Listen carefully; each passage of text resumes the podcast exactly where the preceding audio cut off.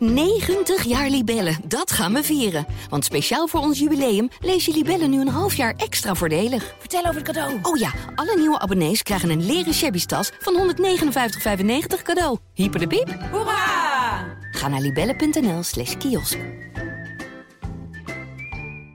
Stefan, Ja, mijn highlight. Ja, eh, ehm, 11 november is de dag.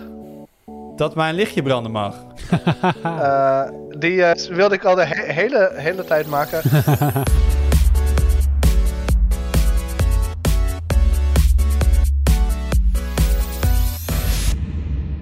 Hoi, leuk dat je luistert. Welkom bij een nieuwe aflevering van de Tweakers Podcast. Mijn naam is Wout en vandaag zit ik in de podcast met Stefan Vegelien, Hoi. met Arnaud Wokke Hoi. en met Jurian Ubach. Een hele goede middag. Eh, een hele goede middag aan u ook, meneer.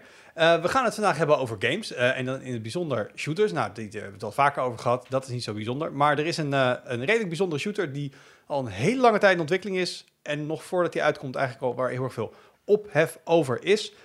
Six Days in Fallujah. Een shooter die zich afspeelt in het Irak tijdens de, de oorlog aan begin jaren 2000.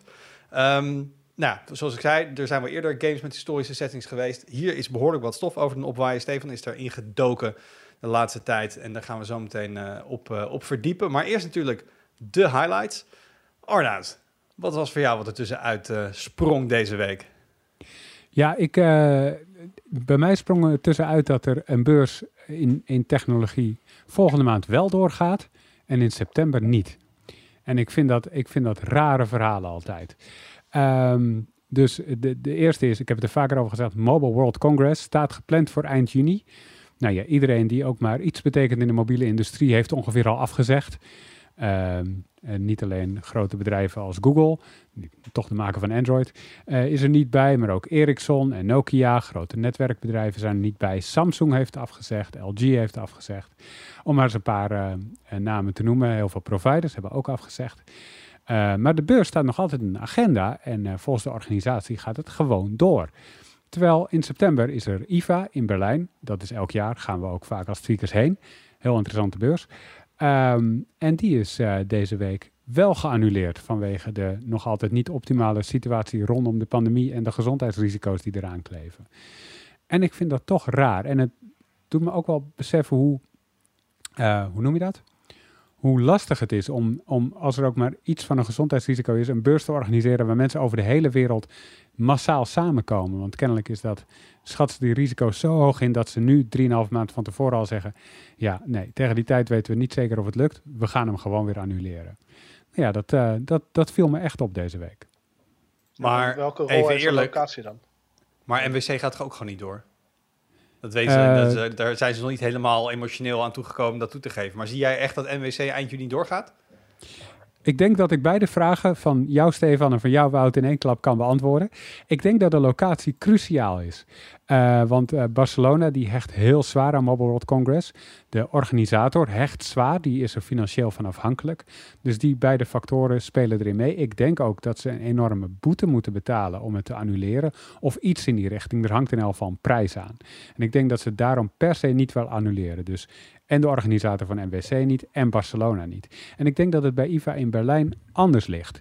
Dus Duitsland is sowieso qua corona, is het, eh, eh, zijn ze daar veel eh, heel bewust van, heel voorzichtig mee. Ze hebben al eerder beurzen sneller afgelast, heb ik het idee.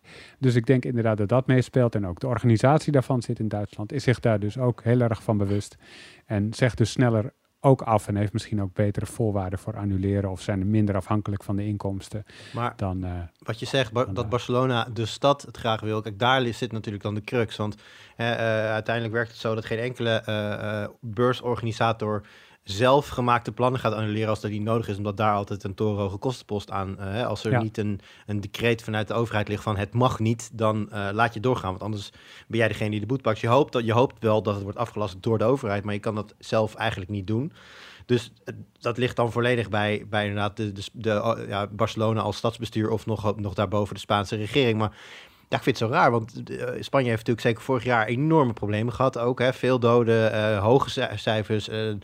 Nou ja, dat, dat, dat, net als in alle andere landen was dat in de zomer iets minder, maar daarna toch ook weer flink opgeleid. Is het niet heel raar dat dan de Spaanse overheid gewoon van nationaal, nationaal niveau niet gewoon zegt van jongens, zo'n grote internationale beurs binnen onze landsgrenzen, dat kan echt niet. Ja. Aan de andere kant hebben wij deze week het Songfestival. Iets, iets andere orde. En, eh, en, en, en, maar ook voorzichtig georganiseerd. Eh, eh, dus ja, wat dat betreft, ik denk dat nationale overheden daar best wel voorzichtig mee zijn. Eh, aan de andere kant, ik vind het ook raar.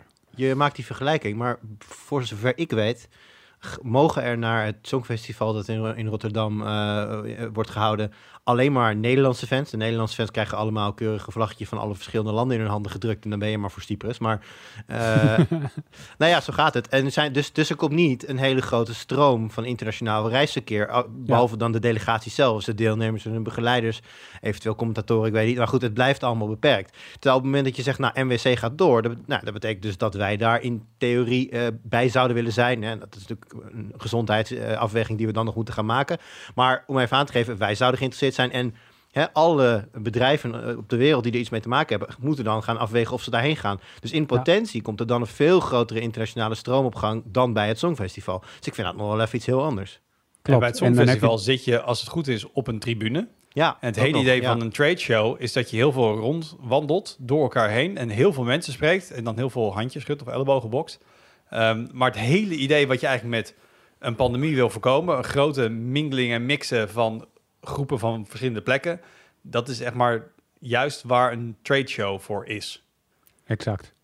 Ja, en, en eh, ik denk ook dat dat het een beetje is. Maar ja, nogmaals, ik kan niet kijken in de, in de overheid van Barcelona of van Spanje. Om te kijken wat hun afweging is om dit nog niet af te zeggen. Maar de tijd begint wel te dringen, want die stands die bouwen zichzelf ook niet in een dag op. Waarschijnlijk moet er allemaal materiaal van over de hele wereld in schepen geladen worden en naar Spanje worden gevaren.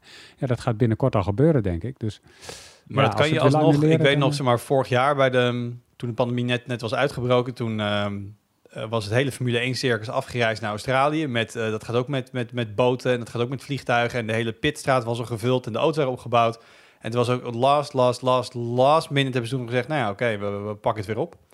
Eh, dus ik, ik snap wat je bedoelt. Het zou super zonde zijn als er allemaal mensen al waren en er al stand stonden. Maar je kan in principe tot de ochtend dat de deuren moeten opengaan, kun je het afblazen. Ja, dat is Ehm, waar. Alleen weet ik Maar dan wordt het niet wel duurder, denk ik. Ja, en ik weet niet zo goed waar Nou ze ja, daar, wachten. heb je, vers- daar heb je verzekering voor. Dan op het moment dat jij helemaal alles hebt opgebouwd, je hebt kosten gemaakt, maar de overheid zegt, jongens, het mag niet, dan kun je je verzekering ervoor aanspreken. Ja.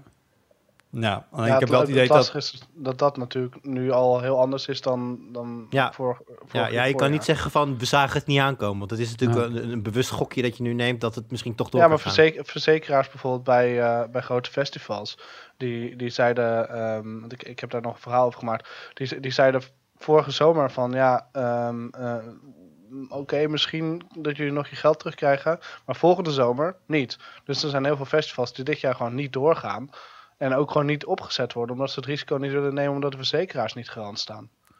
Ik kan me ook voorstellen dat Spanje, dan merk je dat veel van de, de landen rond de Middellandse Zee natuurlijk ook zwaar van toerisme afhankelijk zijn.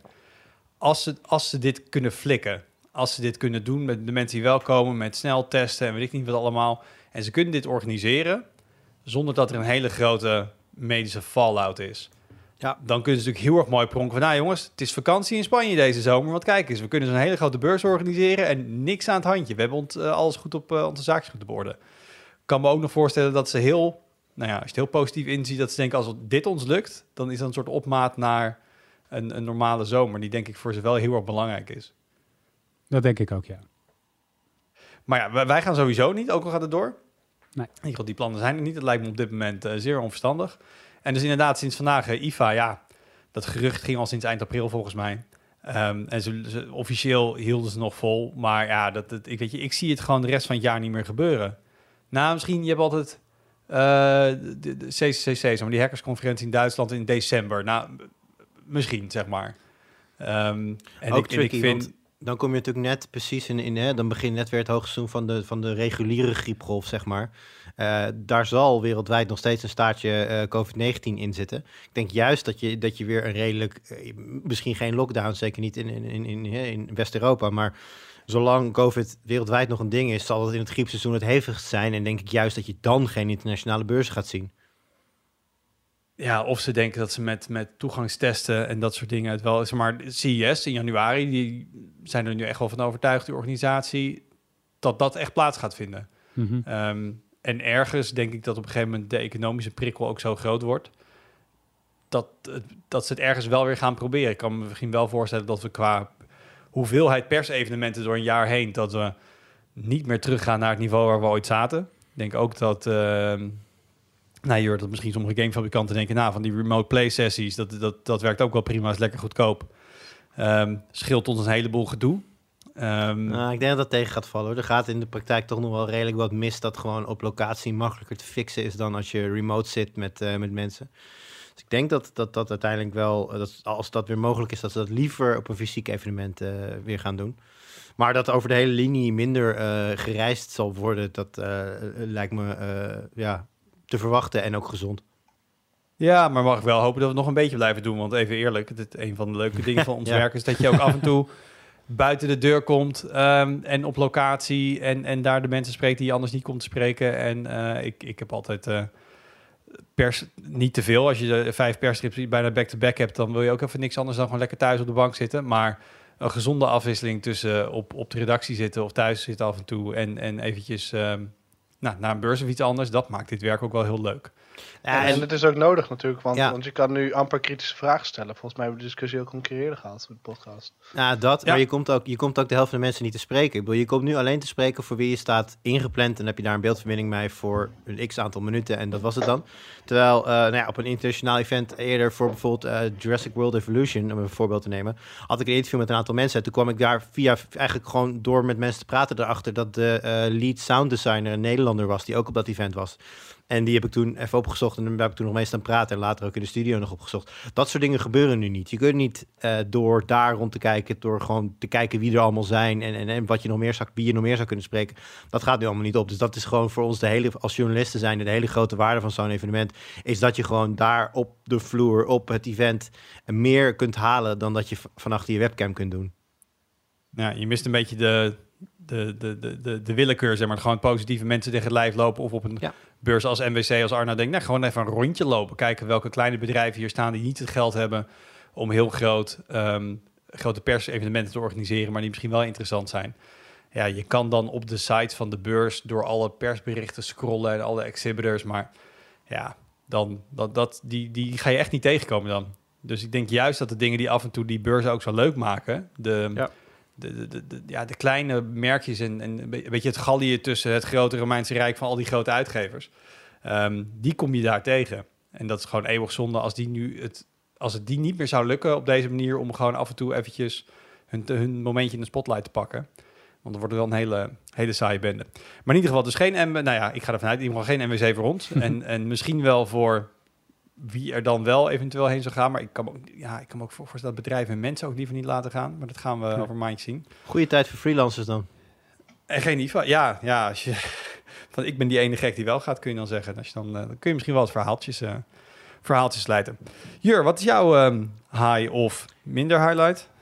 Uh, nou ja, uh, toch wel een lowlight voor de Nederlandse autosportfans, denk ik, uh, die uh, thuis beschikken over een Ziggo-aansluiting en zodoende dus gratis naar Formule 1 kunnen kijken. Want deze week werd natuurlijk duidelijk dat dat in 2022 afgelopen gaat zijn. In ieder geval, zoveel werd duidelijk. de Nordic Entertainment Group heeft de rechten gekocht voor Formule 1 in Nederland. Dat betekent dat ze bij Ziggo weggaan. Um, ja, en de verwachting is dat zij met een nieuwe betaalzender gaan komen. Uh, waarachter, dus, dus dat er weer betaald moet worden voor, uh, voor Formule 1 in Nederland. Ja, en dan nu is het natuurlijk heel veel vragen. Dus, uh, hoe, hoe, hoeveel gaat dat kosten? Uh, wat komt er nog meer in dat pakket terecht? Ze hebben bijvoorbeeld ook de recht op de Bundesliga al gekocht, hè? Duitse voetbalcompetitie. Ook daar kijken in Nederland best wel veel mensen naar.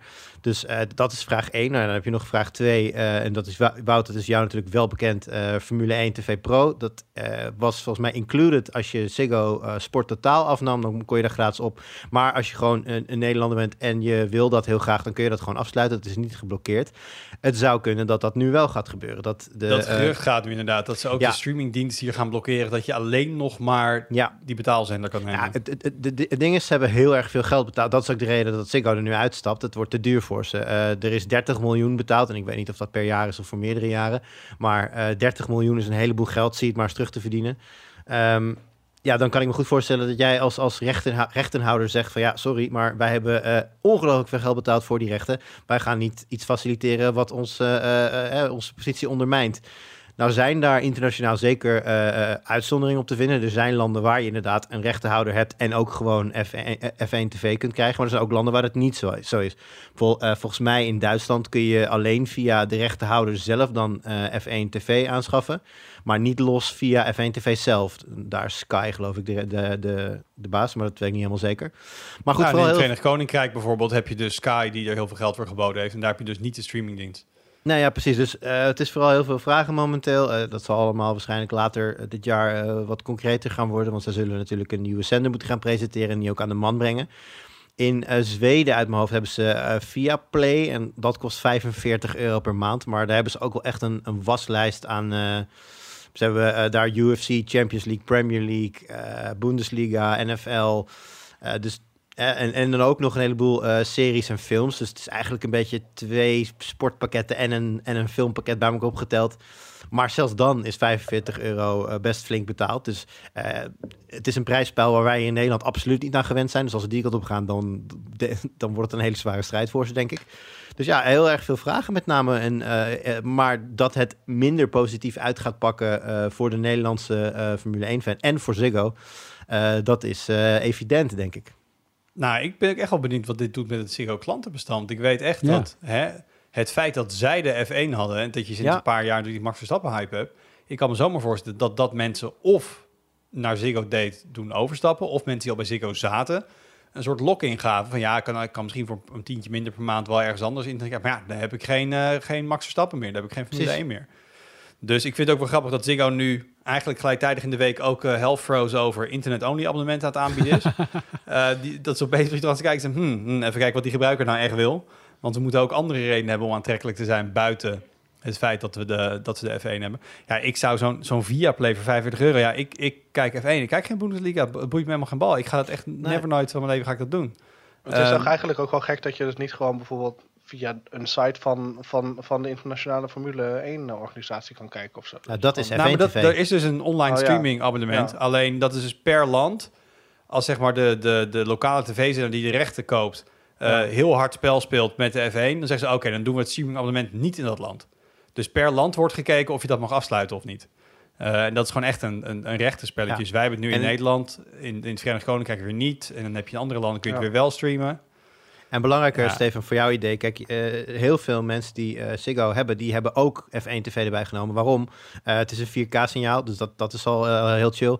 je krijgt veel meer mogelijkheden dan dat je alleen maar via de televisie hebt. Volgens mij kun je zelf een kaart, je kan volgens mij mee, zeg maar, de, de, de cockpit cams kun je zelf selecteren. Je, kunt, je oh, krijgt radio contact. Je kan radio kiezen, je hebt vier ja, kanalen je, of zo. Kun je luisteren, je, je, hebt live timing tijdens de race, waardoor je dus... Toe, ja. Ik heb het toevallig laatst bij een vriend van me zitten kijken. En je ziet gewoon in rondetijden zo snel bijgewerkt worden... Dat, dat wij soms sneller zien dat iemand langzaam rijdt of een probleem heeft... dan dat zeg maar, de commentator op televisie het doorheeft. Dus eh, dat, dat is voor, voor Formule 1-fans zijn dat hele belangrijke dingen. Zelfs als ze straks, zelfs als straks in een hele gekke wereld... wel gratis naar die, die nieuwe zender kunnen kijken. Als F1 TV Pro dan is weggevallen... dan nog is er een veel mindere situatie ontstaan. Dus, maar dat zijn uh, tv-pakketten toch gewoon een beetje gedateerd aan het raken? Of... Uh... Lineaire yeah. tv-pakketten, ja, die ja. zijn ook wel redelijk gedateerd aan het raken. Ja, ik bedoel maar... helemaal, helemaal op het gebied van Formule 1 dan. Ik bedoel, je, je hebt het natuurlijk al met films, met, met andere tv. Uh, uh, waarom kijken we nog lineaire tv? Ja, nou ja, voor, voor live uiteindelijk denk ik evenementen. Omdat die rechten, hoe dat, dat hele rechtenspelletje bij sport ja. werkt, alsnog als jij als lineaire tv-zender zegt, ik betaal heel veel geld voor die rechten, maar ik wil wel exclusiviteit, dan kan dat nog steeds. Mhm. Ehm, dus het is gewoon, ja, money makes the world go round. Eh, en in maar, dit geval eh, denk ja, maar ik, dan als moet je het wel hier weer terugbetalen. verdienen, ja. Ja, ik bedoel, dat moet zich wel weer terugbetalen, ja. Ja, nee, kijk, de- de- content is uiteindelijk king. En dat, dat, is, dat is het hele ding. Het is ook niet voor niks dat eh, behalve de Nordic Entertainment Groep... hebben we ook nog allerlei andere partijen meegeboden. Onder andere Amazon heeft ook op de rechten hier in Nederland geboden. En dat is natuurlijk ook niet heel gek. Hè? Ik bedoel, eh, grote, grote multinationals die zien natuurlijk ook de reizende ster van Max Verstappen. En die gaan er waarschijnlijk blind vanuit dat de, hè, zijn thuismarkt... eh, allemaal de vlag buiten heeft hangen en Hosanna door de straten. En iedereen koste wat kost die races wil zien. Maar ja, dan heb ik nieuws voor je. Ik denk dat een heleboel Nederlandse F1-fans een stuk veel te nuchter zijn om een heel hoog eh, eh, bedrag te gaan betalen elke maand om naar die races te kijken. Zeker ook, en nou goed, dat, dat, zal, je, dat, dat, dat zal niemand eh, openlijk gaan aanprijzen, maar het is niet bepaald moeilijk om de streams op een illegale manier je huiskamer in te krijgen. Dus daar zit ook nog eens een valkuil, want als het heel duur is, gaan ze veel meer mensen pushen richting de, de IP-tv's en weet ik wat voor oplossingen. Nou, of legaal, hè? Ik bedoel, er gaat heel makkelijk gewoon een VPN'tje aan. Dan sluit je gewoon het officiële abonnement in het buitenland af, waar het wel mag. Ja, nou, dat kan ook nog eens. betaald. Ja. Ja. Dus, Maar goed, ehm, eh, voor nu is het, dit is natuurlijk wel allemaal speculeren. Ja, we weten natuurlijk eh, helemaal niet wat die eh, eh, zender gaat doen. Het is een nieuwe zender. Het zou ook zomaar kunnen dat ze in het begin helemaal niet een prijs gaan eh, rekenen. Omdat ja, je bent nieuw, je moet eh, klanten voor je winnen. Ja. Dus dan zou het heel slim zijn, juist denk ik, om, om heel laag in die markt eh, in te stappen. Zodat ja, in ieder geval wat goodwill kweekt. Eh, dus ja, wie weet valt het het komende jaar nog wel mee. Maar ja, het, blijft afwachten. En, eh, en ook afwachten trouwens wat er met eh, het bekende eh, geluid van, van Olaf Mol gaat gebeuren. Die normaal gesproken in, de, in alle voorgaande verhuizingen is het team altijd meegegaan. Ze hebben altijd vrij hard weten te maken dat F1 in Nederland is Olaf Mol. Dat vinden ook heel veel mensen daadwerkelijk. Dus dat, ja, dat, daar, daar valt wel iets voor te zeggen. Dus ja, ik, het zou mij niet verbazen als die gewoon meegaan naar de, naar de nieuwe zender. Maar ja, ook dat weten we natuurlijk nog niet. Dit jaar kunnen we in ieder geval nog, nog als je Ziggo-klant bent, kun je gewoon nog lekker via, via Ziggo kijken. Stefan, Ja, mijn highlight. Ja, eh, ehm, 11 november is de dag. Eh, Dat mijn lichtje Die mag. wilde ik al de he- hele, hele tijd maken. Dan komt eh, eh, GTA Eindelijk. 5 nieuwe- uit. de- de nieuwe GTA? 5 op de, op de... Nee, oh, de GTA 5 op de volgende consoles. Verbeterde versie. Eh, Was al eerder aangekondigd, nu is er een datum aangegeven. En eh, eh, zijn eh, nieuwe generatie Xbox consoles er ook bijgekomen. Maar GTA 5 komt dus naar de nieuwe generatie consoles. Ehm, eh, en dat wordt dan de derde generatie waar dit spel op uitkomt. Er is ondertussen nog geen nieuws voor GTA 6. eh, wanneer die er ooit nog gaat komen. Ehm, maar GTA 5, eh, eh, ja, blijkbaar blijkt het, blijft het zoveel geld in het laadje eh, brengen van Rockstar dat ze het de moeite waard vinden om er ja, nog tijd en moeite in te steken om, om die game op te poetsen voor een nieuwe generatie. Een game uit 2013, ehm, met, een, met natuurlijk een hele populaire en hele actieve online fanbase die GTA Online spelen. ja, want de vraag is een beetje maar- die ik me dan afvraag is, doen ze dit voor om de, de, de story-ervaring naar de next-gen consoles Nee. te brengen of gewoon de GTA Online naar de next-gen consoles Nee, te brengen? Want daar zit volgens mij het geld. Het ziet er ook niet echt uit alsof er superveel wordt toegevoegd aan, aan, de, aan, aan de story mode. Dat, dat wordt ook al jaren niet echt meer gedaan. Het is vooral eh, die online mode waar nieuwe eh, races bij komen, nieuwe eh, auto's, nieuwe missies, zeg maar, overvallen en zo. Dat, dat is wat, wat daar wordt toegevoegd. De nieuwe spelmodus, survival, dat soort dingen. Eh, dus dat is wat er, eh, wat er in GTA 5, of eigenlijk in GTA Online dus eh, bij komt. En wat ze zeggen van Rockstar, wat Rockstar dus zegt, is dat, er, dat, dat, dat het een standalone omgeving wordt. Ik ben heel erg benieuwd wat dat betekent. Of dat dan betekent dat jij als GTA Online speler die honderden uren in zijn, in zijn PlayStation 4 personage heeft gestoken, opnieuw moet beginnen in- bij zijn PlayStation 5. Ik ben heel benieuwd hoe dat gaat, gaat zijn. Maar Nou ja, er is wel een soort actie, hè? ja. Er is volgens mij als je, eh, ik weet niet Ja. of je hem dan nu al moet kopen, maar als je, eh, er is in ieder geval, je kunt iets doen waardoor je nu tot aan de release, vanaf de zomer tot aan de release, elke maand een miljoen dollar krijgt in het spel of zo. Klopt, iedere, iedere, iedere even kijken, ik had er even voor de, voor de volledigheid bij. Iedere speler die ehm, op de PlayStation 4 GTA online speelt, die krijgt inderdaad nu eh, via PlayStation Plus, kan iedere maand dus een miljoen GTA dollars krijgen in de PlayStation Store. Is niet En, zo'n hele eh, sterke munt, toch wel, die GTA-dollar? Of is het ook echt zoveel Nou, waard ja. in die game? Ja, nou ja, alles is heel duur in die game, hè? dus dat is het vooral. Dingen die heel cool zijn, zijn ook heel erg duur. Ja, als je alleen maar sportwagens moet kopen, dan kom je niet heel ver met een miljoen. Precies. Maar ja, dus, dus het is wel interessant. Het is de derde generatie consoles waar, uh, waar dit spel op uitkomt. Uh, um, en en uh, wat dat dan voor nieuws gaat brengen, wat dat dan voor unieks gaat brengen, ja, dat, dat moeten we nog zien. ja, ik, ik, vond, ook, ik vond ook bijzonder dat ze zeiden dat ze bezig zijn met speciale verrassingen rondom het 20-jarig jubileum. En dan niet van de serie aan zich, nee. maar GTA 3. Ja. Wat zeg maar moet je voorstellen hoe oud dan die eerste versies wel niet zijn. Want dat, daar zit al best wel wat tijd tussen natuurlijk. Van die, van die top-down ja, versie de eerste naar... is van 1997 geloof ik. En de, GTA 3 is dan de eerste, zeg maar echt... In de eh, huidige vorm, zeg maar. Het ja, huidige concept. Idee, uh, ja. Oh, ik heb veel, steeds vaker tegenwoordig dat ik denk, ik ben oud. En dit is weer een eentje. Wat? GTA 3, 20 jaar geleden? Ja, maar ja, het, het feit dat GTA 5 dus al, al zoveel jaar oud is, dat is, dat is ook al eigenlijk best wel bijzonder. En dat hij nog steeds gewoon verkoopt en dat er nog steeds een publiek voor is en dat er een. Ja, er, er moet toch een soort van steeds een aanwas zijn van, van nieuwe gamers die dat blijven spelen en dat blijven leuk vinden. Want anders dan schiet het niet op. Je, je gaat maar zoveel verdienen aan, aan die, die vaste playerbase natuurlijk. Ook als ze bereid zijn elke maand uh, uh, heel veel geld te investeren in een game. Als je dit nou heel positief wil spinnen, dus die games in 2013 als je dan hoopt dat er tenminste gelijktijdig, want uh, Zelda Studio werkt natuurlijk ook aan de Red Dead series, maar dat er wel sinds 2013 in een bepaalde kleine vorm al aan GTA 6 gewerkt wordt. Hoe vet zal die game dan wel niet worden als ze daar gewoon acht jaar de tijd voor nemen minimaal uh, voordat dat een keer uitkomt. Maar um, omdat zou het ook niet een heel klein beetje zo kunnen zijn dat omdat GTA online en in het verlengde daarvan dus GTA 5 al zo lang zo goed... Besef even dat er niet één jaar is geweest dat GTA niet in de top 10 is gekomen van best verkopende games. Sinds die uit is gekomen in 2013. Altijd, elk jaar hoort GTA bij de best verkopende games. Zou het ook niet een klein beetje zo kunnen zijn dat als dat niet het geval was geweest, dat we nu al lang veel meer over GTA 6 hadden geweten, maar dat die noodzaak om met die game te komen er niet is, omdat je vorige product nog zo verschrikkelijk goed blijft verkopen. Ja, kijk, iedereen weet ook wel, op het moment dat je GTA, op het moment dat je die stip op de horizon zet en vooruitgaan dat er dan ook weer een nieuwe online omgeving bij komt en zo, ja, dan weet je dat uiteindelijk de, de, die cashflow op je oude product een keer gaat opdrogen. Dus ja, zolang dat nog zo verschrikkelijk goed gaat, ja, ik, eh, als, als eerlijk, als nu iemand vanuit Rockstar zou zeggen... joh, we zijn helemaal niet eens bezig met GTA 6, GTA 5 en online, dat gaat gewoon door. Dat zou, me ook niet eens, zou me ook niet eens verbazen momenteel. Dat, dat, dat zou ik wel gek want je moet wel een beetje voorsorteren op... als het moment dat het inkakt en dat je dan pas gaat nadenken over een nieuwe game... die je zo, waar je dan pas aan begint, de cycle van zoveel jaar. Denk ja, zijn ik, dat. Ik, ik ben ook wel benieuwd, want je hebt natuurlijk een nieuwe generatie uh, games die, ja, die, die er visueel ook zo anders uitzien dan... dan dan GTA in 2013 eruit zag. En in de jaren daarna zijn er wel verbeteringen gekomen. Maar, maar ik kan me gewoon op een gegeven moment niet meer voorstellen dat, dat zo'n oude game interessant genoeg blijft, ook op grafisch gebied. Dat mensen niet denken, ja, het ziet er nou gewoon echt gedateerd uit. En de gameplay is gedateerd. En dat, dat, nou, ik weet niet hoe ver ze het gaan oppoetsen voor de next-gen consoles, hoeveel tijd erin gestoken gaat worden. Nou ja, sowieso waarschijnlijk uh, uh, hogere framerate, uh, hogere resolutie, 4K, dat soort dingen zullen er wel bij komen, net als bij Cyberpunk. Maar... Uiteindelijk is het een gigantische wereld, dus je gaat niet alles opnieuw modelleren en dat soort dingen. Maar, dus dat, ehm, dat moeten we dan eind, eind het jaar maar zien. Maar ja, ja ergens wel ja, kudo's voor, voor Rockstar. Ik bedoel, als, als dit kan en de mensen willen het... en je kan na acht jaar nog mensen warm laten lopen voor een bestaande game... dan heb je ergens iets in de basis al goed gedaan, toch? Nou ben ik wel benieuwd wanneer Skyrim uitkomt.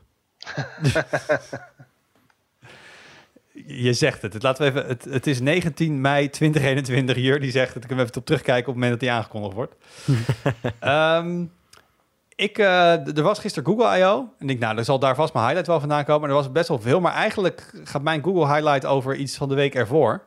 Uh, en dat is dat, uh, dat was net eigenlijk rondom dat de vorige podcast online kwam. Dus het lijkt wel even geleden. Maar dat is dat de, de, er zijn renders gelekt, of in ieder geval er waren foto's gelekt van hoe de Pixel 6 eruit gaat zien. En online leakers hebben op basis van die foto's renders gemaakt, zodat ze niet te herleiden zijn. Um, ja, ik, heb je die foto's gezien? Zeker. Ik zeg hier. Ik weet niet of gezien heeft. Heeft Stevens gezien? Ah, nou, dan moet je nog maar even googlen. Maar Um, het, het, ziet er redelijk, laat ik zo zeggen, het ziet er redelijk gedurfd uit. Um, voor, voor je idee, er zit op de achterkant, uh, we zijn natuurlijk die camera-eilanden nu, nu, gewend, dat, dat hele vierkante ding. ze hebben eigenlijk gewoon een strook over de hele breedte, die dan ook verhoogt, een soort stoeprand lijkt het wel, um, waar dan drie camera's in weggewerkt zitten. Ja, maar Arnoud, jij, jij hebt hem wel gezien dan, maar vind jij dit Mhm. mooi? Ik bedoel, het, het, het is een beetje love it or hate it, eh, kreeg ik eh, via het internet door.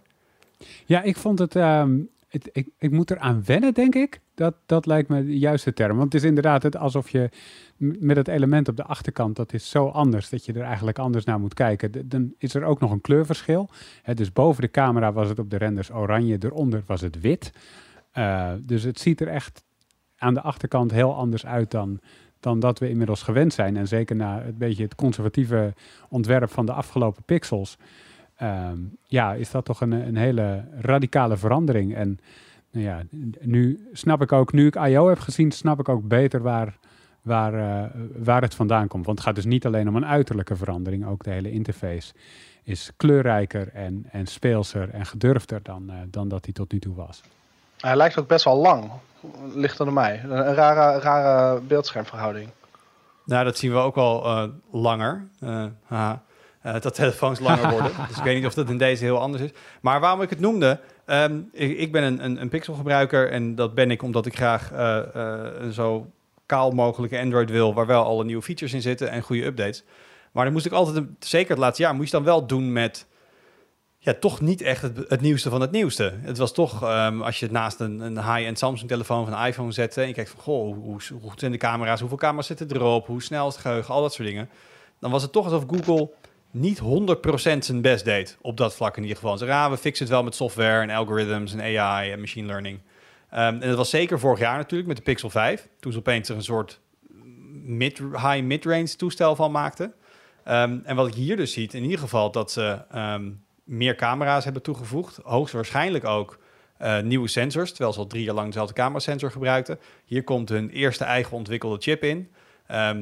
Aantal van die mensen die het geleakt hebben zeggen ook... ja, we weten ook al, hebben wat van de specs gezien. Daar ga je ook wel blij van worden. Ik bedoel, de eerste, de eerste tekenen zijn dat Google hiermee een soort gooi gaat doen... naar waarschijnlijk het segment waar de telefoons heel duur in zijn. Dat ding, weet ik wel, 1200 nog wat euro gaat kosten.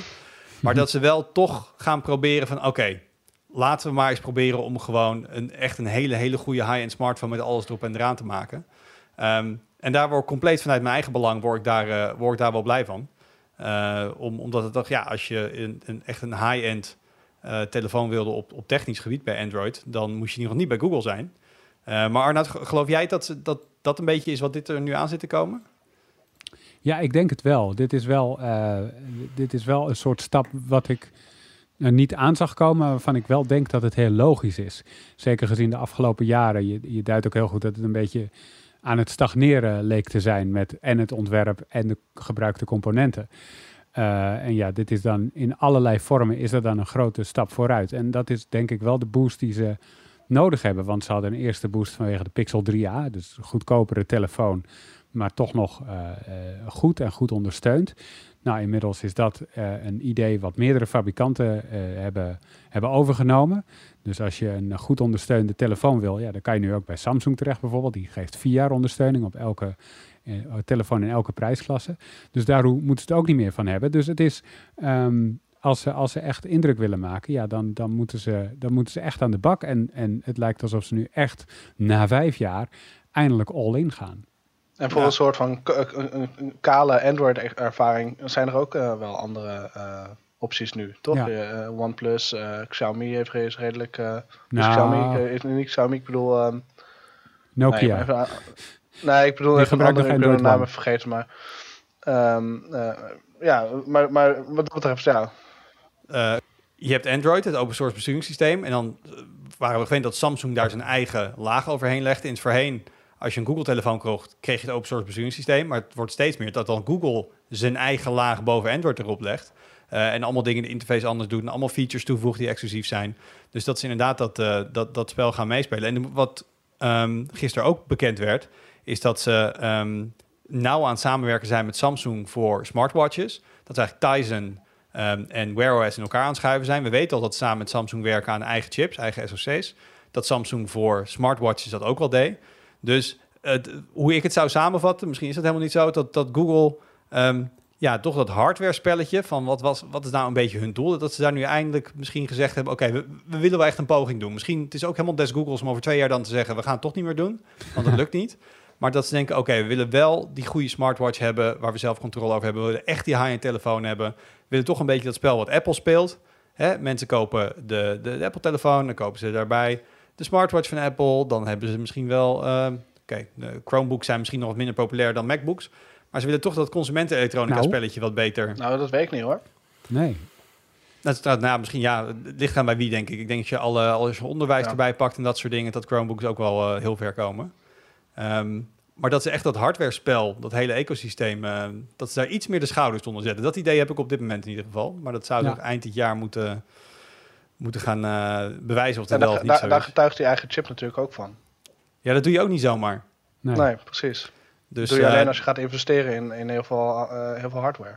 Ja, dus dat vind ik, eh, ik vind het een leuke ontwikkeling, laat ik zo zeggen. Het is weer, ehm, het wordt wat interessanter om een Google-telefoon ook te bespreken op de site, omdat er echt ook aan de hardwarekant wel wat, eh, wat nieuwe dingetjes in zitten. Dus eh de, de- gisteren niks over gehoord. Het was natuurlijk allemaal software en ontwikkelaarsdingen, maar dat zal richting, eh, richting eind dit jaar wel, eh, wel komen.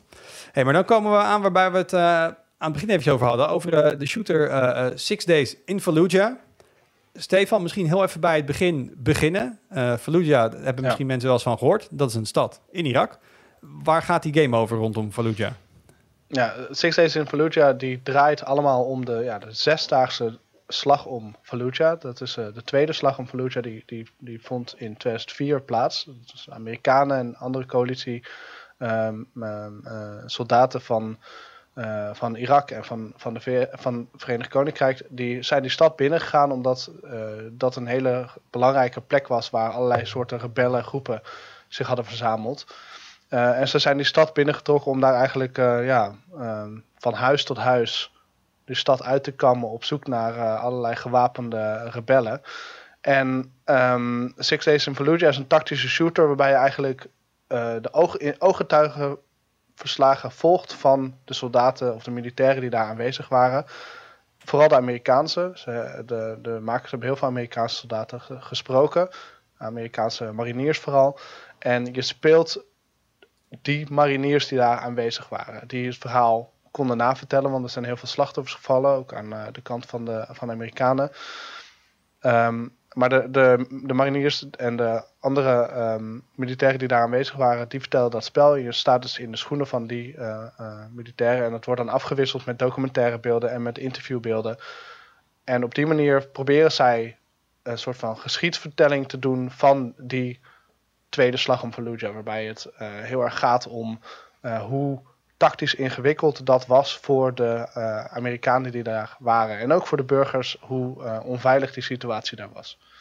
Ik kan me voorstellen dat mensen nu zeggen, nou ja, oké, het is wat recenter verleden, maar hoeveel Tweede Wereldoorlog shooters hebben we wel niet gehad met echte scènes, die echte veldslagen die we naspelen. Je hebt in een game als Brothers in Ja. Arms destijds, het ging ook echt om hele persoon, waar geen echte mensen, maar het persoonlijke verhaal van hoe het is om zoiets te doen. Ehm, genoeg games over de Vietnamoorlog. Wat, wat maakt dit dan anders, behalve het feit dat het misschien wat, wat rauwer en wat verser is? Ja, ehm, er, er is controverse op heel veel vlakken in, om deze game. Dus er is heel veel kritiek op deze game. Dat begon eigenlijk al toen die game in 2009 gemaakt werd. Want deze game die is dus al heel erg lang in ontwikkeling. Niet eh, super actief, want de studio is op een gegeven moment failliet gegaan. Eh, Konami zou deze game in 2010 uitbrengen. Die trok toen de stekker eruit nadat ehm, ouders van omgekomen ehm, eh, militairen, Amerikaanse militairen bij onder andere Fox News aan, aanbelden en zeiden: Ja, dit kan niet, want je gaat nu een, een slag zien waar, waar net een paar jaar geleden onze kinderen omgekomen zijn. Eh, en dat ga je op een eh, hele eh, waarheidsgetrouwe manier proberen te vertellen. Die kritiek is nu een beetje op dat laatste punt, het waarheidsgetrouwe. Want inmiddels weten we veel meer van wat daar gebeurd is in Fallujah. En er zijn allerlei dingen ja, misgegaan, zou je het kunnen noemen. De Amerikanen hebben daar echt huis gehouden. Ehm, eh, er zijn allerlei burgerslachtoffers gevallen. Er is zoveel munitie afgevuurd dat, eh, dat, dat er nog steeds straling in de muren zit. eh, eh, radioactieve straling. Eh, ze hebben daar eh, witte fosforgranaten ingezet die eh, op, op manieren waarvoor ze niet bedoeld zijn. Dat zijn een soort van rookgranaten die ook heel erg branden. Eh, daar zijn eh, ook eh, burgers bij omgekomen en ze hebben eh, burgers de stad eh, die de stad wilden verlaten, hebben ze eh, eh, geweigerd. Dus die moesten dan de stad terug in. Nou, al die, ehm, die wandaden, ehm, die nu, waar we dus nu steeds meer over weten, en waar nog steeds heel veel kritiek op is en heel veel vragen open uh, in de internationale gemeenschap, die komen eigenlijk niet aan het licht in de game. Daar gaat het niet om, daar gaat het de makers niet om. Het gaat die makers om uh, het vertellen van dat tactisch realistische verhaal van wat daar gebeurd was in de, uh, in de ogen van ja, de burgers die zij gesproken hebben, maar vooral de militairen die zij gesproken hebben. en dat gaat over hoe ja, hoe zo'n zo'n strijd eigenlijk van bovenaf beslist wordt. En dat jij als soldaat daar maar gewoon ja, uh, de meest gevaarlijke situatie uh, in je leven in moet gaan. En dat je dat maar hebt te slikken. Nou, daar is heel veel kritiek op. Uh, dat, dat, ja, dat het eigenlijk een heel erg eenzijdige vertelling is van de werkelijkheid. Um, en dat vooral um, een moslimorganisatie in de VS, maar er, zijn ook al, er is ook een petitie van allerlei mensen, allerlei partijen, die eigenlijk vinden dat, ja, dat het verhaal van de Irakezen en het verhaal van, van, van de moslimbevolking daar onderbelicht is. daar komt bij dat um, wat, wat qua gameplay heel interessant is, is dat zij ervoor kiezen om Fallujah procedureel te genereren. Dat wil zeggen dat ieder huis die jij binnengaat is nieuw. Uh, omdat dat ook in de ervaring van die soldaten natuurlijk is, of van die militairen is. De, ieder gebouw dat je daar naar binnen gaat, je weet niet wat je tegenkomt. Maar in een spelletje, als je doodgaat, dan ga je gewoon nog een keer het gebouw in en dan kun je uh, uh, knowledge by death krijgen. Dus ja, de, in, in game noemen we dat trial and error inderdaad. Dat, ja, trial and error. Ja, de zesde keer dat jij, dat jij het gebouw binnengaat, dan weet je precies waar iedereen staat. Dan weet je hoe de kamers eruit zien. Nou, dat, dat probeer je uh, nu uh, te overkomen op een hele interessante manier. Pro procedureel genereren van alle ruimtes. Van alle gebouwen. Uh, van, van wat de, de, de rebellen doen. waar de burgers zijn. Um, maar de kritiek daarop is... Ja, dan ga je dus een echte strijd nabootsen in een echte stad met echte mensen. En dan ga je de mensen die daar wonen, dus de mensen die daar uh, vandaan komen, ja, dan maak je een soort van Lego-poppetjes van. In een, in een Lego-stad. En, en um, uh, uh, dan, dan geef je hun alsnog niet een echte stem. Je maakt hun nep. Je maakt hun soort van fictief. Terwijl je wel het echte verhaal van de Amerikanen gaat vertellen. Dat is een maar beetje. wat, wat, wat willen die critici dan? Dat het een, een meer afgewogen game wordt waarbij meer aandacht is nou, voor het verhaal van de Irakezen? Of gewoon, dit mag eigenlijk niet, dit soort games? Nou, gewoon niet willen? Er zijn, er zijn daar verschillende meningen over. En ik denk dat, het, dat dat ook heel belangrijk is en dat die discussie ook heel belangrijk kan zijn. Dat is waarom, waarom we dat artikel ook geschreven hebben, denk ik. Um, maar uh, aan de ene kant heb je, heb je partijen die zeggen: stop deze game, de ontwikkeling moet stoppen, dit mag niet, mag niet gepubliceerd worden. Anderen die uh, wijzen naar, uh, naar, naar Valve en naar Sony en Microsoft van zorg ervoor dat deze game niet op jullie platform verschijnt. Maar je hebt ook genuanceerdere stemmen die zeggen: nou ja, eigenlijk als je zo'n game brengt en dat je de documentaire beelden in doet en dat je gesprekken doet en echt die indruk wekt dat dit is hoe het echt is dat je wel erbij vertelt dat het een uh, uh, fictief verhaal is. Of dat het een navertelling is van ooggetuigenverslagen. Dus dat het niet de volledige waarheid vertelt. En weer anderen zeggen, ja, je moet, als jij die, dat verhaal wil vertellen van Fallujah... en jij wil dat doen in een game, dan kan dat wel. Maar dan, dan, kan, dat, dan kan dat niet op zo'n eenzijdige manier. Dan moet je ook de andere kant laten zien. Dan moet je ook de kant van de burgers evenveel belichten. Uh, en uiteindelijk, die game die moet eind dit jaar uitkomen. Het is de vraag in welke vorm dat dan gaat gebeuren.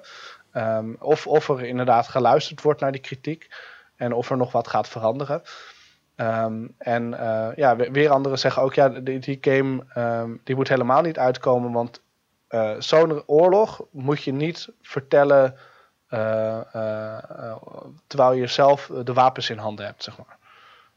Ja, maar dus, ik, ik, dus... ik wil even van jouw mening over, ook in bredere, breder perspectief. Want wat ik net zei, er zijn over heel veel oorlogen en veldslagen zijn games gemaakt. En ik denk sowieso altijd als er geschiedschrijving wordt gedaan, of dat nou in boeken is, of in documentaires, of in films, of nu in games, dan is dat altijd vanuit het perspectief van iemand. Um, is, is dit heel uniek? Of hebben we in het verleden dit ook wel gezien? En is het nu misschien toch, omdat wat we zeiden vanwege de, de recentheid, dat het nu een, meer een ding is? Um, nou, het is in die zin niet, niet uniek wat je, wat je terecht zegt. Uh, er zijn spellen geweest die realistische, uh, ja, gewoon een, een letterlijk gebeurde veldslag uit een oudere oorlog zo'n natuurgetrouw hebben willen neerzetten. Wat het uniek maakt, is dat ze eh, echt de mensen zelf gebruiken. Hè. Bij mijn weten heeft alleen Band of Brothers dat gedaan. Dus echt de, de, de, de, de naam van de soldaat koppelen aan, nou, in dat geval dan een acteur, want het is een serie nu wordt het dan een, een personage in een game. Dus dat maakt die, het al die iets... ook gewoon nagemaakt zijn, hè? Hele gezicht, Ja, alles is precies. Dus nagemaakt. de- Ze hebben zelf ingesproken, alles. Dus, dus het, zijn echt, het, het is echt het verhaal van die jongens zelf. Eh, dat maakt dit uniek in combinatie met eh, de recentheid ervan. Ehm, maar eh, kijk, wat het verder uniek maakt als je dit wil vergelijken met, met meer games. Want het is natuurlijk niet de eerste keer dat we het Midden-Oosten terugzien in een videogame. Of, de Afga of, of, zeg maar situaties die gebaseerd zijn op de oorlog in Afghanistan en Irak. Alleen meestal eh, speel je dan in. Nou, heel soms wordt Irak of, of Afghanistan nog wel bij naam genoemd. Maar dan niet een echt bestaande stad. Dan is het. Dan is het, eh, ja, weet je, Midden-Oostistan of, of, of, of, of random stad in een gebied eh, ergens in de buurt van Irak. Of, het is nooit heel, het is altijd gebaseerd op. Kijk, en dan, dat verandert alles. Op het moment dat jij zegt, dit is zoals het was, dan doe je een hele eh, ja, zwaarwegende claim op de waarheid. Eh, als jij zegt, dit is gebaseerd op dingen, op waar gebeurde verhalen, maar hè, je zegt daarmee eigenlijk, dit is niet letterlijk eh, het waar gebeurde verhaal, dan maakt het allemaal een stuk minder uit, want dan, dan is het een fictief verhaal binnen een soort van realistische setting. En dat is een wereld van verschil. Is dit ook niet... Ik kan me herinneren dat we het niet al te lang geleden, ergens eerder jaar gehad hebben over volgens mij een, een missie uit de nieuwste Call of Duty game.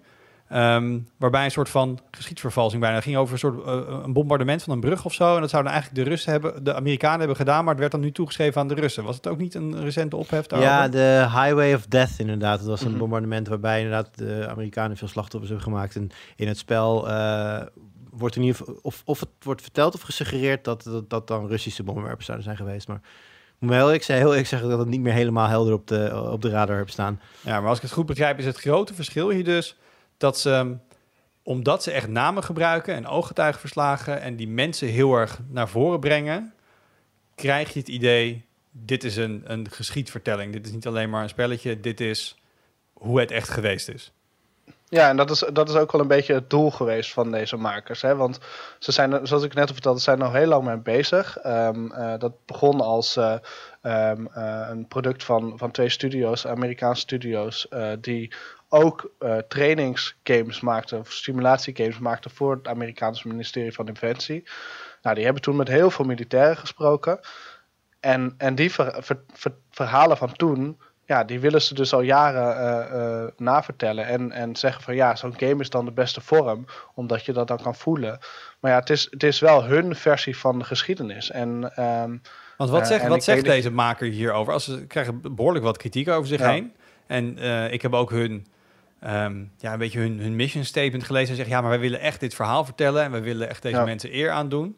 Dus het lijkt, Ja. ze zitten er vanuit een soort oprecht overtuiging van dat wat zij goed doen, zitten zij hierin. mhm. En dan krijgen ze zoveel shit over zich heen. Doet dat iets Ja. met ze? Gaan ze nog iets anders doen? Of zeggen ze, ja, we gaan gewoon door?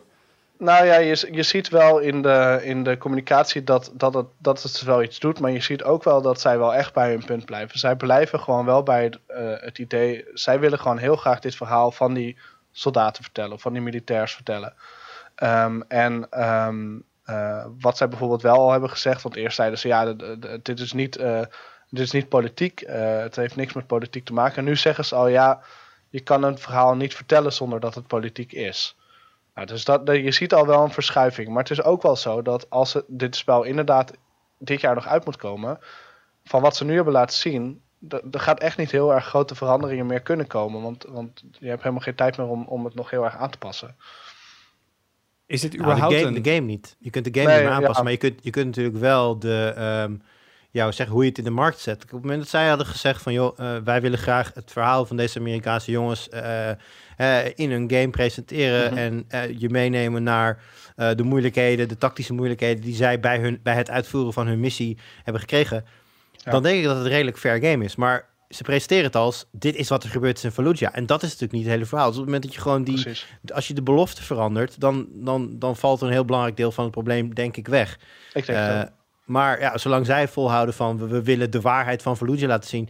Ja, eh, op het moment dat, dat je de waarheid maar van één kant laat zien, dan loop je veel risico dat waarheid verandert in propaganda. En dat is natuurlijk ook hè, wat, wat er nu steeds gezegd wordt. Van het, is een, het wordt een, promo, een promotiegame voor de, voor de US Army. Van kijk eens hoe moeilijk ze het hebben gehad en hoe knap ze het hebben gedaan allemaal.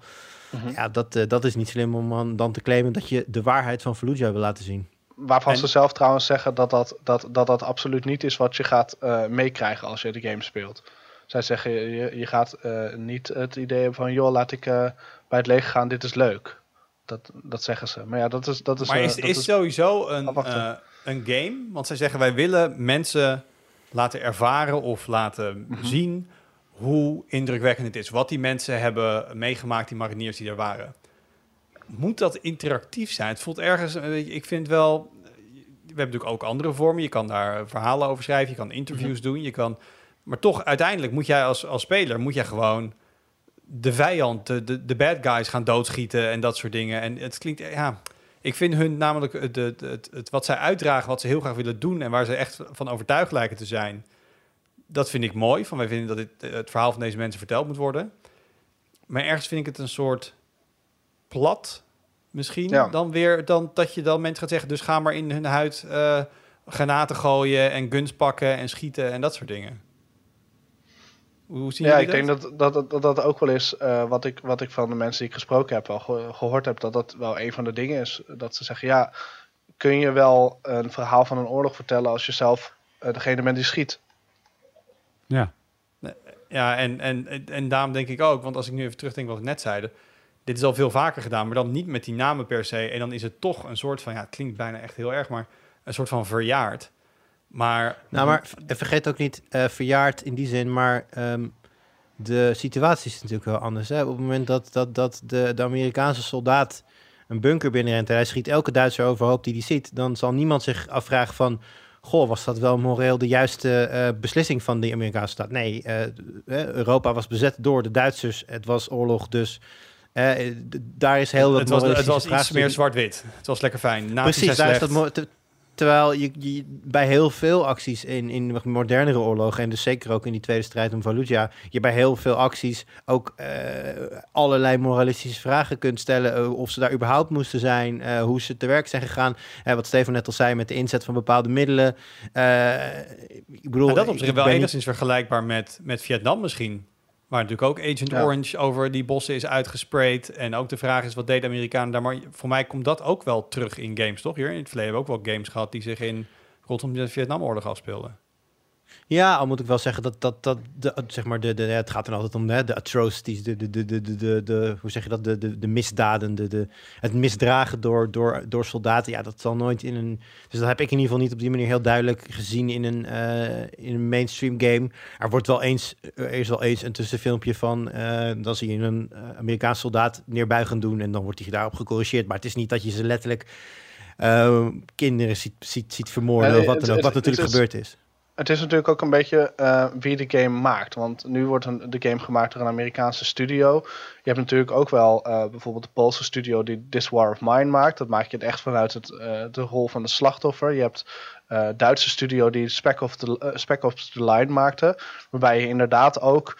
ehm, eh, eh, nou ja, mag, ik- mag je een spoiler geven voor een spel van volgens mij Ja. bijna 15 jaar oud? Zeker. Maar da- dat, jij, dat jij als soldaat eh dealt met PTSD en volgens witte fosfor, die witte fosfor waar het nu over gaat, eh, gebruikt eh, op, op burgers. Ja, het, het is natuurlijk wel verteld en dat is dan wel in een fictie, fictionele situatie neergezet. Maar ja, ehm, eh, je hebt allerlei perspectieven aan een oorlog en, en, en het is nu wel een keuze om, om het perspectief te pakken van de soldaten. En ze zeggen dan wel, deze makers, van ja, we, we vertellen ook het verhaal van de burgers. Maar ze zeggen ook, ja, 90% soldaten, 10% burgers. Dus je hebt een paar missies waarbij jij als een, eh, als een vader eh, je kinderen probeert de stad uit te krijgen. Eh, maar ja, dan, dan, dan is dat waarschijnlijk wel weer een heel lineair verhaal. En eh, ehm, ja, ik ben heel benieuwd in ieder geval hoe deze game gaat zijn. Ik ben heel benieuwd wat uiteindelijk waar is van de beloftes die ze maken. Ehm, en eh, ik ben ook wel Ik denk dat benieuwd dit wel- hoeveel van die kritiek overeind blijft staan. Ik denk dat wel dat het een goed voorbeeld is van slechte PR is ook PR. Want ik ben zelf merk ik heel erg benieuwd geworden naar... Want we hebben wel wat dingetjes gezien. Ik ben al heel erg benieuwd geworden naar hoe deze game dan ga, echt gaat zijn in de praktijk. En, ja, maar ik, ik snap ook wel vanuit, uh, vanuit het perspectief van, van, van iemand die er niet zo uitziet als, uh, als wij, dat je daar ook heel erg boos op kan worden. Uh, als jij een Irakees bent en jij, jij, jij leeft al, nou, wat is het inmiddels 10, 15 jaar met het trauma van de Irak-oorlog. En vervolgens wordt er een game gemaakt en dan vertellen ze, zeggen ze, we, vertellen de waarheid. En vervolgens sta je alleen maar het verhaal te vertellen van die zielige Amerikaanse soldaten. Ja, ik, ik snap wel dat, dat mensen daar heel erg boos om worden. Ik, vanuit mij persoonlijk ja, heb ik dat natuurlijk niet, omdat ik niet die ervaring heb. Maar anderen hebben die ervaring wel. Ja, maar dit moet dus um, na een hele lange ontwikkelperiode eind dit jaar uitkomen. Verwacht jij nog dat dit misschien dan toch niet uitkomt? Of dat ze dan het nog helemaal op de schop gaan gooien? Of is dit gewoon waarschijnlijk wel wat we gaan zien na dit jaar? Um, ja, ik, ik denk dat er niet echt superveel gaat veranderen. Want het is natuurlijk gemaakt door een uh, onafhankelijke studio die uh, niet afhankelijk is van, uh, van ja, de, de, de, de, de, de, stakeholders die een normale grote studio heeft. Ja, dus zij gaan dit gewoon wel maken en ze gaan dit ook wel uitbrengen. Ik ben heel benieuwd of alle platformen het blijven brengen, want dat is natuurlijk ook nog waar de kritiek is. Maar het spel gaat er sowieso wel komen. Ik ben ook wel benieuwd of het er dit jaar nog komt, uh, of het echt uit gaat komen, want het is zo ambitieus dat het misschien wel uh, helemaal niet haalbaar is om het, uh, om het nog uit te brengen op zo'n korte termijn. Maar ik denk wel dat het sowieso gaat komen. Klinkt als een Duke Nukem Forevertje, dat je zo lang bezig bent dat je op een gegeven moment eigenlijk weer technisch weer gezien zo achterlopen van nou, we gaan toch maar weer een nieuwe engine erin hangen of zo. Ja, maar dat, hebben ze ook wel gedaan. Het is, het is eigenlijk, ze hebben de, de game gewoon opnieuw gemaakt. Oké. Okay. Dus uh, in 2009 zou het een uh, third party, uh, third person shooter worden, een beetje zoals, ja, wat is het, Ghost Recon of de, de, SWAT series of zo, ja, of dat soort, dat soort games. Ja. Um, en en nu, nu is het een first person shooter à la Call of Duty, met ja, in een, in een moderne engine en het is eigenlijk wel opnieuw opgebouwd met hetzelfde verhaal, met dezelfde personages. En, uh, Oké, okay, ja. we zeggen vaak in de podcast, oh, dat moet nog een keer op terugkomen. Maar hier gaan we denk ik zeker later dit jaar, als hij uitkomt, ja, ik... op terugkomen. Ja, ja ik, ik, ik, ik, heb, ik hoop nee, inderdaad dat, uh, dat we nou ja, de, de um, spel mogen spelen. Of niet, in die zin dat, stel nou dat het gewoon een hele matige game is, die eigenlijk de aandacht gewoon niet waard is, dan vind ik juist het feit dat mm. het zo'n edgy game is, uh, waar we dus nu al een hele podcast aan gewijd hebben, dan nog een keer de revue te laten passeren. Kijk, of het moet zo tekeer gaan in de hele wereld dat iedereen ruzie maakt met iedereen over deze game, ja, dan kom je er wel een keer niet aan. Maar ik heb zoiets van, ja, alle, alle ophef en, en, kritiek, en, en, kritiek ten spijt, laat, laat de game het eerst maar laten zien dan. Oh, ik zeg niet per se dat erop terugkomen een hele grote review is met heel veel aandacht. Dat kan ook zijn dat we in de podcast zeggen, die game is uit. En man, wat is dat voor een, uh, een warme drol die ze van gemaakt hebben. Daar hoeven we niet over oh, review ga ik, hem vast, ga ik hem vast, want ik ben veel te benieuwd of het een goede game is. En juist als het een slechte game is, vind ik het heel belangrijk om dat ook mensen te laten weten. Omdat, nou ja, wat, je, wat je zelf net al zei, slechte PR bestaat niet. En er zullen best wel veel mensen zijn die nu denken van, oh, ik zou deze game eigenlijk, tot, ik, wil, ik wil nu wel even zien waar alle fuzz over gaat, zeg maar. Dus juist daarom vind ik het heel belangrijk om als ik hem kan spelen en mensen kan laten weten, als hij slecht is, dat hij slecht is, uh, maakt de review des te belangrijker natuurlijk. Ja, en, en, en, dan, en dat lijkt me ook goed om, uh, om, uh, om in die review ook terug te komen op de kritiek en, en te toetsen of, uh, of dat, ja, of dat hout snijdt op de lange termijn. Ja, die is voor later, later dit jaar. Dan, dan kijk ik nog even vooruit naar waar we mee bezig zijn, wat je op de site kunt verwachten. Um, we noemden net al eventjes I.O., Google I.O. en een, een nieuwe Android-versie. Ik ben natuurlijk meteen weer de beta gaan flashen gisteren. Dat ging natuurlijk weer helemaal fout, dus ik heb per mijn telefoon gewiped was heel erg leuk. Kon ik gisteravond weer aan de slag. Mijn bank-app werkt niet meer. Ik leer het nooit. um, maar Arnaud, jij bent uh, druk bezig met dat ding uh, verder uitpluizen volgens mij. Er komt een, een preview aan. Zeker, ja. Ik heb hem, ik heb hem hier ook al. Uh, en ik ben er niet van afhankelijk. Dit is gewoon een testtelefoon, dat scheelt. En ja, later deze week komt daar, komt daar een mooie preview van met een hoop beeldmateriaal hopelijk. En hier, ik wou zeggen, ieders favoriete horrorgame, dat weet ik niet zeker. Maar het is wel een, een hele een belangrijke franchise, nieuwe Resident Evil. Ja, Resident Evil uh, eh, 8 Village. Uh, uit op PlayStation 5, Xbox Series X en de uh, PC. De review komt eind deze week ergens. Volgens mij staat de exacte datum, want we zijn nog wat analyses aan het doen van, van, beeld, beelden die we hebben op, opgenomen. En daar liep Erik geloof ik tegen wat technische probleempjes aan. Dus we moeten even kijken hoe snel dat, dat gaat. Maar ergens eind deze week verwacht ik jou. Alright, cool. En voor de rest zijn we nog bezig met heel veel rondom beeld. Um, uh, bijvoorbeeld de Formule 1 die je kan kijken. Maar uh, het schijnt dat er nog steeds misschien wel een Olympische Spelen aankomt en een voetbaltoernooitje. Dus dat we weten dat het voor veel mensen altijd een moment is om dan toch maar eens te overwegen om toch die nieuwe tv of beamer aan te schaffen. Dus ons testlab is zelfs fysiek uitgebreid een aantal weken terug om meer tv's en projectoren te kunnen testen. En collega's Sim en Erik zijn druk bezig met verschillende tv-reviews en, um, en projectortests. Dus er komt dit weekend een eerste round-up aan.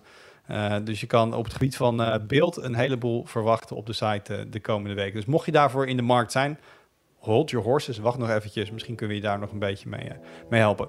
Dankjewel jongens, de rond kom je af. Dankjewel voor het luisteren of voor het kijken als je op YouTube zat. En heb je feedback, dan hoor dat heel erg graag. Kan in de comments op de site of via podcast.tweakers.net.